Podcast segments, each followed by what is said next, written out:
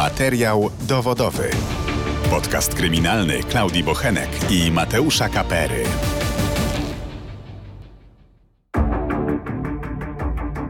Dzień dobry, przed mikrofonem Mateusz Kapera. Zapraszam na kolejny odcinek podcastu kryminalnego Materiał dowodowy. A dziś historia toksycznej miłości, której ceną było życie młodego polityka z Lublina. Dwa lata temu, 30 kwietnia 2021 roku, Igor Wyszyński-Karłowski, radny z Lublina, trafia do szpitala w stanie krytycznym po tym, jak otrzymał cios nożem w brzuch. Jak się okazuje, obrażenia są na tyle poważne, że chłopak umiera następnego dnia.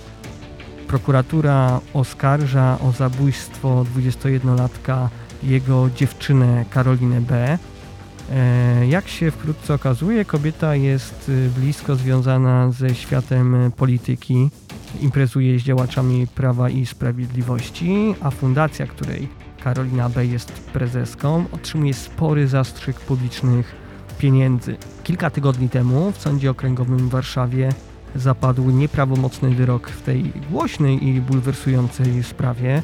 Proces sądowy był bardzo emocjonujący, przyniósł wiele niespodziewanych zwrotów akcji, a o tym, jak cienka jest granica między miłością a nienawiścią, dowiecie się z reportażu, który dla Was przygotowałem. Zanim to jednak nastąpi, zasubskrybujcie proszę kanał Radia Z w serwisie YouTube.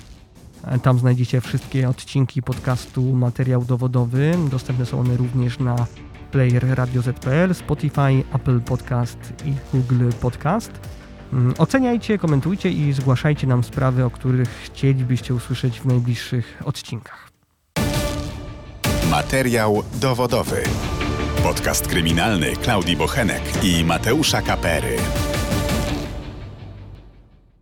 Wrzesień 2018 roku. Sejm Rzeczypospolitej Polski, Warszawa. Proszę o zabranie głosu przez Igora Wyszyńskiego-Karłowskiego. Wysoka Izbo, czasy posłów niepodległej były trudne i wymagające. Potrzebowały charyzmatycznych polityków. Niespełna 18-letni Igor wygłasza mowę podczas sesji Sejmu Dzieci i Młodzieży. Mimo młodego wieku ma duże ambicje polityczne. Pełni funkcję marszałka Parlamentu Dzieci i Młodzieży Województwa Lubelskiego. W Lublinie, w którym mieszka, znany jest jako aktywny działacz społeczny. Jest wiceprzewodniczącym Młodzieżowej Rady Miasta. Kariera polityczna Igora Wyszyńskiego-Karłowskiego nabiera rozpędu wiosną 2019 roku. To wtedy startuje w wyborach do rad dzielnicy. Zdobywa uznanie wśród Lublinian i zostaje radnym dzielnicy Czuby Południe. O początkach politycznej kariery Igora rozmawiamy z Krzysztofem Wiśniewskim, przewodniczącym zarządu dzielnicy, kolegą Igora. Igor miał wtedy raptem kilka miesięcy temu skończone 18 lat, więc było to dla nas duże zaskoczenie, bo rozmawiał z nami jak wytrawny polityk i mógł się pochwalić yy, już wyrobionymi pewnymi kontaktami w tej właśnie sferze yy, takiej samorządowej, politycznej czy, czy, czy takiej, takich tych działań społecznych. Także no, no, no była to taka niespodzianka, że taka, taka osoba bardzo młoda jest tak obrotna i już po prostu tak skutecznie działa na tym samorządowym polu. Na efekty działań młodego radnego nie trzeba długo czekać. W zachodniej części Lublina powstała stacja PKP. Nie ma do niej jednak wygodnego i bezpiecznego dojścia. Rada dzielnicy nie ma wystarczających środków, aby przeznaczyć je na budowę dojścia do stacji. Igorowi udaje się jednak przekonać do tego Urząd Miasta, który pokrywa znaczną część inwestycji. I my tutaj musimy sobie w lewo pójść mhm. między samochodami. Przystanek powstał jakby w środku, można powiedzieć, e, niczego. I tutaj e, to powstało dopiero, bo mm, e, właśnie dzięki Igorowi całe, cała ta infrastruktura chodnik, prze, przejazd właśnie dla osób z niepełnosprawnościami, oświetlenie, e, bo tutaj mieszkańcy mogli dojść tylko tą drogą, którą my jechaliśmy, czyli co z półtora kilometra jeszcze mhm. dodatkowo trzeba było nadrobić po ciemku, bo tam nie ma oświetlenia. To nie koniec sukcesów ambitnego społecznika. Jesienią zaczyna studia na Wydziale Prawa i Administracji Uniwersytetu Warszawskiego. Od razu angażuje się w akademickie życie. Bierze udział w studenckich debatach. To, co było w nim niesamowite, to, to taki ciągły entuzjazm. E, Igor przychodził i jeżeli on proponował jakieś działanie, nawet jeżeli ono wydawało mi się mm, jakieś takie mm, niespodziewane, to sposób, w jaki Igor je przedstawiał, sprawiał, że jakby sam zaczynałem wierzyć w to, że to jest y, możliwe do wykonania i że faktycznie warto o to powalczyć. Na jednej z debat poznaje o 5 lat starszą Karolinę B. 24-latce imponuje młodszy kolega, który może pochwalić się dużym doświadczeniem politycznym, jak na swój wiek. Wspólne zainteresowania i aktywności zawodowe zbliżają Igora do Karoliny. Młodzi spędzają ze sobą coraz więcej czasu. Łączy ich wspólna miłość do gór. Na profilach społecznościowych Igora odnajdujemy wiele zdjęć z górskich eskapad. Karolina również zamieszcza sporo zdjęć w mediach społecznościowych. Młodzi nie chwalą się jednak wspólnymi fotografiami, mimo że jeżdżą razem w góry. Igor niewiele mówił o swoim życiu prywatnym, o swoich wyzwaniach prywatnych, o swoich prywatnych problemach. Więc y, jeżeli już, to coś pojawiało się na marginesie. Natomiast widać było, że chroni tą swoją strefę prywatną i mało osób wiedziało o tym, co się tak naprawdę u niego, u niego w tej sferze prywatnej dzieje. Mieszkający na stałe w Lublinie Igor często odwiedza dziewczynę w Warszawie. Karolina wynajmuje mieszkanie w nowej części dzielnicy Wilanów, zwanej miasteczkiem Wilanów. Budowa osiedla ruszyła w 2002 roku. Założeniem projektantów było stworzenie tzw. Tak miasta w mieście, samowystarczalnego osiedla. Mieszkają w nim głównie młode rodziny z dziećmi, przedsiębiorcy i pracownicy dużych firm. Jak w to miejsce trafiła 24-letnia studentka prawa? Karolina B. urodziła się w Warszawie, ale sporo czasu spędziła w Lublinie. Studiowała historię na Katolickim Uniwersytecie Lubelskim Jana Pawła II. Była członkiem Towarzystwa Obywateli Miasta Lublin. Oprócz działalności społecznej zajmowała się również polityką. W 2019 roku wróciła do Warszawy. Zaczęła studia prawnicze oraz objęła funkcję prezesa w warszawskim oddziale prawicowego Stowarzyszenia Koliber. Rok wcześniej założyła Fundację Portia, którego głównym założeniem jest promowanie wszechstronnego rozwoju i edukacji człowieka. Jak ustalił w swoim dziennikarskim śledztwie portal frontstory.pl, Karolina B. imprezowała z Piotrem Mazurkiem, ówczesnym radnym Prawa i Sprawiedliwości, doradcą ministra kultury Piotra Glińskiego. Mazurek jest również przewodniczącym Narodowego Instytutu Wolności, który wspiera organizacje pozarządowe. Fundacja, którą założyła Karolina B., dostała od Instytutu dotację na łączną kwotę niemal pół miliona złotych. Część tych pieniędzy poszła na wynajem biura fundacji na Sarmackiej w Wilanowie. Biuro pełniło również funkcję mieszkania Karoliny B. Dziewczyna nie płaciła czynszu, bo robiła to fundacja za pieniądze z publicznej dotacji. Dzięki temu młoda studentka mogła mieszkać w prestiżowej warszawskiej dzielnicy. To właśnie w mieszkaniu w Wilanowie wkrótce dojdzie do tragicznych wydarzeń. Wraz z dynamicznymi karierami zawodowymi Igora i Karoliny rozwija się ich relacja. W marcu 2020 roku postanawiają, że będą parą. Lubią spędzać ze sobą czas, mają wspólne pasje i plany na przyszłość. Kochają się. W związku zaczyna się jednak psuć. Pojawiają się nieporozumienia. Karolina jest apodyktyczna, chce kontrolować i dominować Igora. Ten próbuje się sprzeciwiać, często znika bez słowa. Pamiętam taką sytuację, w której Igor właśnie zniknął i przez tydzień czy dwa nie odzywał się do znajomych, nie, nie odbierał telefonów. Wszyscy zastanawiali się, e, gdzie jest, co robi i właściwie niektórzy zaczynali się już martwić, czy coś się z nim nie stało.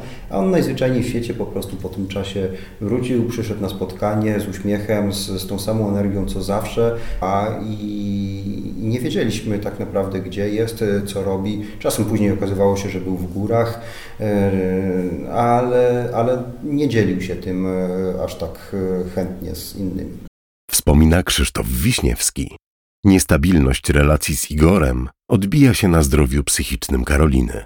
Dziewczyna popada w depresję, pije alkohol i bierze narkotyki. Gdy Igor znika, próbuje go szukać. Dzwoni do jego znajomych. Jeździ nawet do Lublina, aby odszukać ukochanego. Stres związany ze zniknięciami chłopaka doprowadza ją do ataków paniki. Gdy Igor chce wyjść do sklepu, dziewczyna panikuje, myśląc, że tak naprawdę chce od niej uciec. Za wszelką cenę chce zatrzymać go przy sobie. Ucieka się nawet do samookaleczeń. Stan psychiczny dziewczyny jest coraz gorszy. Bez kontroli lekarskiej przyjmuje dużą ilość depresantów. W styczniu 2021 roku dochodzi do niebezpiecznej sytuacji między Karoliną a Igorem. Chłopak zostaje zraniony ostrym narzędziem w nogę. Zeznaje jednak, że nie został zaatakowany przez Karolinę. Rana miała powstać, gdy powstrzymywał dziewczynę przed popełnieniem samobójstwa. Jednak jak później zeznają znajomi, Karolina groziła Igorowi, że zrobi mu krzywdę, jak ją zostawi. Karolina próbuje ratować związek z Igorem. Sytuację ma poprawić wspólny wyjazd do Meksyku. Tam Karolina chce oświadczyć się Igorowi. Kupuje suknię ślubną, wpłaca zadatek w kwocie 5 tysięcy złotych na zakup działki pod budowę domu. Wkrótce jednak wszystkie plany legną w gruzach. Jest 29 kwietnia 2021 roku. Karolina czeka na przyjazd Igora do Warszawy. Ustalili wcześniej, że weekend majowy spędzą razem w stolicy. Ten jednak nie odbiera od niej telefonów. Zdesperowana dziewczyna prosi swoich kolegów, aby pomogli jej poszukać Igora. Początkowo znajomi nie chcą się zgodzić. Są zajęci obowiązkami zawodowymi. Słyszą jednak, że dziewczyna płacze i jest rozbita emocjonalnie. Przyjeżdżają do niej, aby ją wesprzeć. Nagle do Karoliny dzwoni Igor. Prosi dziewczynę, aby odebrała go z dworca. Karolina wraz z dwoma kolegami jedzie po Igora. Odbierają chłopaka i wracają do mieszkania w Wilanowie. Grają na gitarze, rozmawiają, palą papierosy i marihuanę. Atmosfera staje się senna. Karolina i Igor przytulają się leżąc na łóżku. Widząc to, koledzy postanawiają opuścić imprezę. Wychodzą z mieszkania około godziny 2.50 w nocy. Karolina zostaje sama z Igorem. Kilkanaście minut po wyjściu kolegów, lokatorzy budynku słyszą krzyki wołającego o pomoc mężczyzny. To głos Igora. Leży oparty o ścianę na patio osiedla. Przy nim jest Karolina. Chłopak trzyma się za brzuch. Dziewczyna chaotycznie próbuje wezwać pomoc przez telefon. W międzyczasie wraca do mieszkania. Przy Igorze pojawia się ochroniarz i sąsiedzi. Pytają Karolinę, co się wydarzyło, ale ona nie potrafi tego do końca wytłumaczyć. Jednemu z sąsiadów mówi, że Igor nadział się na płot.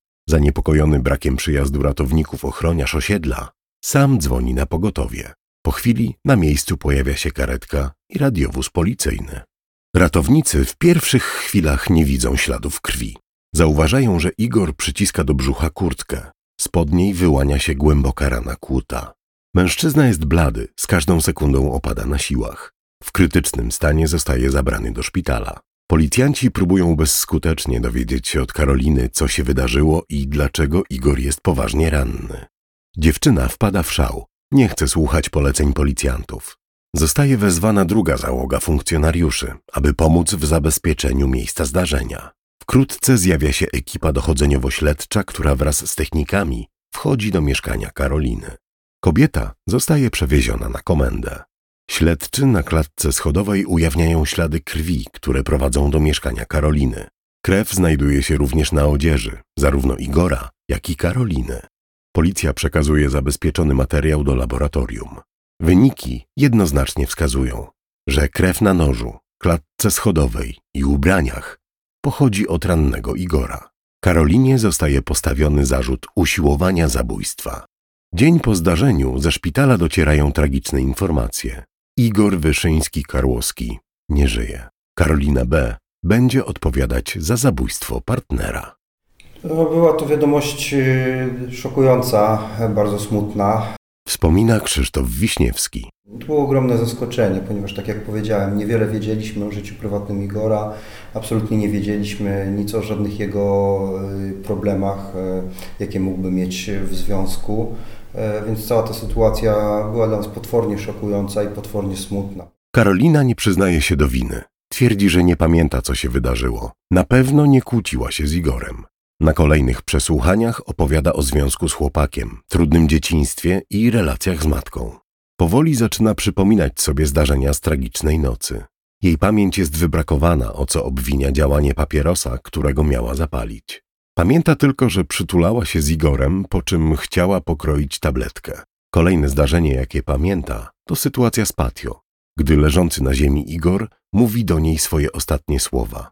Kocham cię. Karolina wyjaśnia, że krew na nożu może należeć do kolegi, który podarował jej ostrze. Wspomina również, że tragicznej nocy spożywała nieznaną substancję. Wyniki badań krwi Karoliny nie wskazują jednak substancji odurzających w organizmie. Jest za to obecność citalopramu, co oznacza, że dziewczyna przyjmowała leki antydepresyjne. Karolina próbuje przemycić z aresztu śledczego wiadomość do swojej przyjaciółki. Opisuje w nim inny przebieg wydarzeń niż przedstawiła śledczym. List zostaje jednak przechwycony przez strażników. Jego fragment czyta dziennikarka. Ja szłam z nożem. Zderzyliśmy się w drzwiach, bo Igor nagle się odwrócił. Wychodził do apteki. Ja podbiegłam mu powiedzieć, że to nie jest całodobówka. On nagle stanął, odwrócił się do mnie.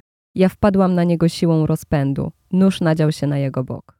Od tego momentu dla prokuratury jest jasne, że Karolina musi pamiętać, co działo się tragicznej nocy. Zasłanianie się niepamięcią na przesłuchaniach śledczy uznają za linię obrony podejrzanej o zabójstwo Igora. Prokuratura zleca badania psychologiczne Karoliny. Biegli uznają, że dziewczyna nie cierpi na chorobę psychiczną. Stwierdzają, że ma zaburzenia osobowości i jest niestabilna emocjonalnie. Według nich w czasie, gdy miała zranić Igora, była świadoma, co robi i mogła pokierować swoim zachowaniem. Biegli podkreślają, że Karolina w swoim zachowaniu jest kapryśna, powierzchowna, niestała i uwodzicielska. Ma skłonność do wchodzenia w zaburzone relacje interpersonalne. Pomimo tego, że pragnie miłości i uwagi, jest nieprzewidywalna, przekorna, manipulacyjna i zmienna. Rozpaczliwie boi się opuszczenia i izolacji. Często reaguje na te objawy złością, gwałtowną zmianą nastroju i agresją. Ma tendencję do zatracania dysproporcji i zdolności prawidłowej oceny sytuacji. Nie zważa na ewentualne konsekwencje swoich działań. Manipuluje ludźmi, szantażując, że zrobi sobie krzywdę. Odczuwa na przemian miłość i wściekłość. Niespełna rok po śmierci Igora, prokuratura oskarża Karolinę B. o zabójstwo swojego partnera. Według śledczych zadała Igorowi tylko jeden, ale za to silny i głęboki cios nożem w brzuch.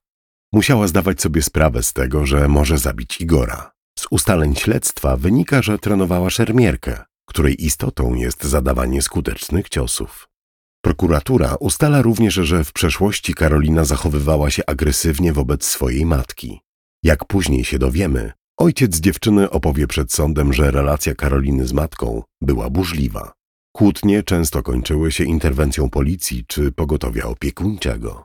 31 maja 2022 roku przed Sądem Okręgowym w Warszawie zaczyna się proces przeciwko Karolinie B., oskarżonej o zabójstwo 21-letniego Igora. Grozi jej nawet kara dożywotniego pozbawienia wolności. Na pierwszej rozprawie dziewczyna podtrzymuje wersję wydarzeń, którą opisała w liście do przyjaciółki. Igor miał zostać przypadkowo raniony nożem, gdy wychodził do apteki. Przed sądem dziewczyna nie potrafi wyjaśnić, dlaczego miała w ręce nóż. Mówi jednak, że była pod wpływem substancji psychotropowych. Na kolejnych rozprawach zeznają sąsiedzi Karoliny, ochroniarz osiedla w Wilanowie, policja i ratownicy, którzy interweniowali tragicznej nocy. Podczas procesu zeznaje również ojciec Karoliny. Mężczyzna twierdzi, że podczas sprzątania mieszkania, które zajmowała córka, znalazł nóż. Według niego tym nożem mógł być raniony Igor. Sąd ostatecznie w to nie wierzy. Uzna, że narzędzie mogło pochodzić z dowolnego miejsca, a jego badanie po dwóch latach od zdarzenia nie ma sensu. Na sali sądowej pojawiają się bliscy Karoliny. Jeden z nich zeznaje, że Karolina już wcześniej bywała agresywna wobec Igora. Miała się przyznać, że pewnego razu zraniła partnera w rękę maczetą. O agresji dziewczyny wobec chłopaka mówi również jej bliska przyjaciółka. Karolina miała zwierzać jej się, że boi się, że kiedyś zrobi Igorowi krzywdę. Przyjaciółka dodaje, że Karolina była trudną i nieprzewidywalną osobą. Opowiada, jak raz ją całowała, a innym razem biła pięścią w brzuch. Pod koniec procesu odtworzony zostaje zapis połączenia z numerem 112 z tragicznej nocy. Nagranie jest wstrząsające. Ranny, ciężko oddychający Igor próbuje telefonicznie wezwać karetkę. Gdy dyspozytor zaczyna dopytywać go, w jaki sposób został zraniony, słuchawkę przejmuje Karolina. Dziewczyna nie chce konkretnie powiedzieć, co się stało. Powtarza, że prosi o karetkę. W końcu cichym głosem wspomina, że chłopak nadział się na coś, ale nagle urywa zdanie. W końcu rozłącza się. W czasie odtwarzania nagrania dochodzi do dramatycznej sceny. Matka Igora, słysząc umierający głos syna, wybiega z płaczem z sali sądowej. Ostatnia rozprawa, podczas której wygłaszane są mowy końcowe stron procesu, przynosi nieoczekiwany zwrot akcji. Matka zmarłego tragicznie Igora w poruszającej przemowie odcina się od stanowiska prokuratury żądającej dla oskarżonej Karoliny 25 lat pozbawienia wolności. Prosi o szansę dla dziewczyny. Fragment wystąpienia czyta dziennikarka. Bycie mamą Igora to był zaszczyt. Oczy matki widzą jednak drugie dziecko, Karolinę. Jej mama też by na pewno dała wszystko, by cofnąć czas. Nie wiedziałam, że Karolina tak bardzo potrzebowała pomocy. Prosiła o pomoc, ale nikt jej nie udzielił ani przyjaciele, ani rodzice, ani ja. Tacy są ludzie o wysokiej wrażliwości. W ten sposób wyruszamy w drogę ku szaleństwu. Prokuratura chce, aby sąd uznał Karolinę winną zabójstwa z zamiarem bezpośrednim i skazał ją na 25 lat pozbawienia wolności. Argumentuje, że oskarżona ukryła zakrwawiony nóż w szafie oraz przyznała się do zranienia chłopaka w przechwyconej wiadomości wysłanej z aresztu. Obrończynie Karoliny stanowczo odrzucają wersję prokuratury o zabójstwie z zamiarem bezpośrednim. Twierdzą, że nie ma na to żadnego dowodu. Chcą zmiany kwalifikacji na nieumyślne spowodowanie śmierci oraz najniższego wyroku i terapeutycznego trybu odbywania kary dla Karoliny B. Głos zabiera także oskarżona. Jej wypowiedź czyta dziennikarka. Do końca życia będę się z tym borykała. Będę czuła odpowiedzialność za ten wypadek. Dla mnie życie jest bezcenne. Zrobię wszystko, żeby wypełnić tę pustkę po Igorze jego mamie. Igor stracił życie, a ja dobre imię i ukochaną osobę. Karolina na koniec prosi sąd o możliwość niedoprowadzania jej na odczytanie wyroku. Sędzia zgadza się. 23 stycznia 2023 roku Sąd Okręgowy w Warszawie wydaje nieprawomocny wyrok w sprawie zabójstwa 21-letniego Igora. 15 lat więzienia dla młodej prawniczki oskarżonej o zabójstwo partnera. Do zbrodni doszło pod koniec kwietnia zeszłego roku w Warszawie. Kobieta twierdziła, że był to wypadek podczas ataku paniki. W śledztwie ustalono, że przyczyną śmierci był cios 15-centymetrowym ostrzem. Takie są wiadomości Radia Z. Dla sądu od początku jasne było to, że Karolina wbiła nóż w brzuch Igora. Wątpliwością było jedynie to, czy cios był celowy, czy przypadkowy. Sąd nie uwierzył w wyjaśnienia Karoliny, która twierdziła, że nie chciała śmierci Igora, bo go kochała. Jego obrończynie argumentowały, że miłość jest uczuciem nadzwyczajnym, które coś tworzy, a nie niszczy. Sąd w te słowa nie uwierzył. Uzasadniał, że historia kryminalistyki jest dowodem na to, że często to właśnie miłość jest uczuciem, które prowadzi do zabójstwa. Między miłością a nienawiścią granica jest bardzo niewielka, mówiła sędzia Monika Łukasiewicz. Zdaniem sądu Igor chciał zakończyć związek z dziewczyną. Karolina nie mogła się z tym pogodzić i dźgnęła partnera nożem. Mecenas Kamila Syta-Sawa, reprezentująca oskarżycielkę posiłkową, matkę Igora, nie ma wątpliwości, że mowa jej klientki miała wpływ na wymiar kary. Na pewno okolicznością godzącą była postawa i prośba matki, która y, dość jasno wskazała, że występuje tutaj w roli matki i patrzy na tę sprawę jako matka. Natomiast sąd oceniał, jak trafnie też to wskazał, sąd jest zobowiązany i rolą sądu jest wydanie sprawiedliwego wyroku. E, I jeżeli chodzi o motywy ustne rozstrzygnięcia, to ja je podzielam. Chcieliśmy porozmawiać z matką Igora o tym, dlaczego zdecydowała się prosić sąd o wymierzenie łagodnego wyroku dla Karoliny. Kobieta nie zgodziła się na rozmowę. O kulisy tej decyzji pytamy mecenas Sytę Sawą, która reprezentowała matkę Igora w sądzie moja klientka mm, jakby mm, wychodzi z takiego założenia, że y, w zasadzie zemsta czy próba y, znalezienia sprawiedliwości w sądzie nie jest jedyną drogą. Natomiast mm, jakby jej wolą było też to, tak jak po wielu godzinach rozmawialiśmy, jej wolą było też to, żeby y, tę sprawę osądził niezawisły, niezależny sąd e, i wydał wyrok sprawiedliwy. Natomiast prosiła jako matka E, która straciła dziecko, ale też patrząc jako matka na, na, na młodą dziewczynę, wzniosła się na wyżyny, jak to nawet wskazał sąd, i popatrzyła na tę sprawę e, z perspektywy matki i dlatego też mm, prosiła o łagodniejszą karę. Matka Igora nie znała wcześniej Karoliny, mimo że ta była w związku z jej synem. Poznała ją dopiero na sali sądowej po tragicznej śmierci Igora. Później odwiedzała ją w areszcie śledczym. Skarżycielka jako matka nie znała wcześniej um, tej dziewczyny. One się nigdy nie spotkały. Ona dopiero po raz pierwszy ją spotkała na sali rozpraw. E, I uznała też, ja tak, ją, jak, ja tak to odbieram, że po prostu chciała ją poznać, tak? Bo jednak um, gdzieś tam była w jakiejś relacji z jej synem i chciała bliżej ją poznać. E, i, i, bardziej szczegółowo się dociec, co tam się wydarzyło. A poza tym, jak zobaczyła, jak wygląda to życie w areszcie czy zakładzie, to też miało wpływ na nią, bo to było pod jej pierwsza wizyta, zobaczyła, e, zobaczyła stan e, tej dziewczyny. Obrończyni Karoliny B., mecenas Ewa Waszkowiak, nie ukrywa, że wyrok jest bardzo surowy. Po otrzymaniu pisemnego uzasadnienia wyroku będzie rozważała z klientką zaskarżenie decyzji sądu. Bez wątpienia, w mojej ocenie jest to wyrok bardzo wysoki. Nie uwzględnił sąd stanowiska obrony i samej oskarżonej. E, będę rozważała z klientką środek zaskarżenia. Jest wiele rzeczy, które e, w mojej ocenie nie powinny doprowadzić do takiego surowego rozstrzygnięcia.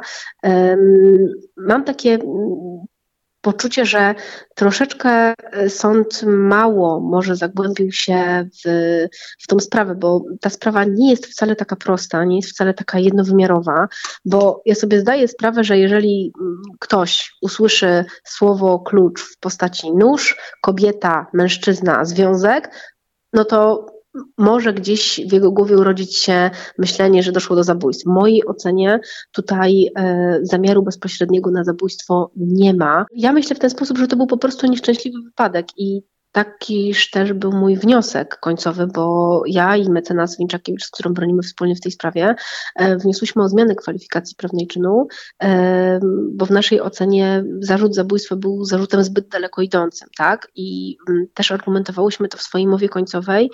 E, ja w swojej i mecenas również w swojej dosyć rozbudowanej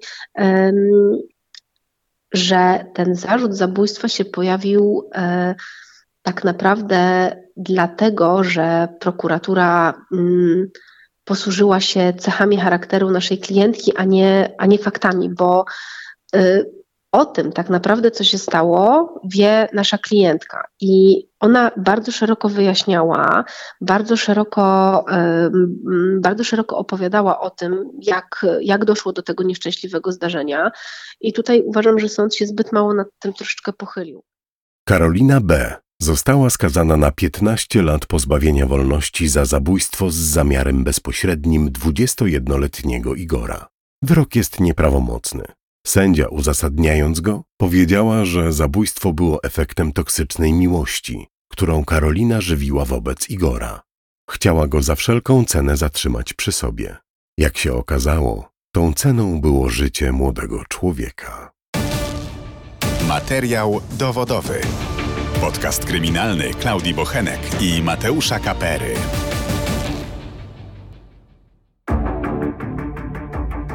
Jak usłyszeliśmy w reportażu, wyrok jest nieprawomocny. Wkrótce dowiemy się, czy do sądu płynie apelacja od tego wyroku. Decyzję sądu zarówno skarżyć może prokuratura, która przecież domagała się 25 lat pozbawienia wolności, jak i obrona Karoliny B., która liczyła na zdecydowanie niższy wymiar kary. E, dziś jedno jest pewne, e, życia Igora już nic ani nikt nie wróci. Na dziś to wszystko. To był podcast kryminalny Radia Z, materiał dowodowy. E, a ja się nazywam Mateusz Kapera. Dziękuję za uwagę i do usłyszenia w kolejnym odcinku. Materiał dowodowy. Wszystkie odcinki naszego podcastu kryminalnego znajdziesz na player radioz.pl i na najważniejszych platformach streamingowych.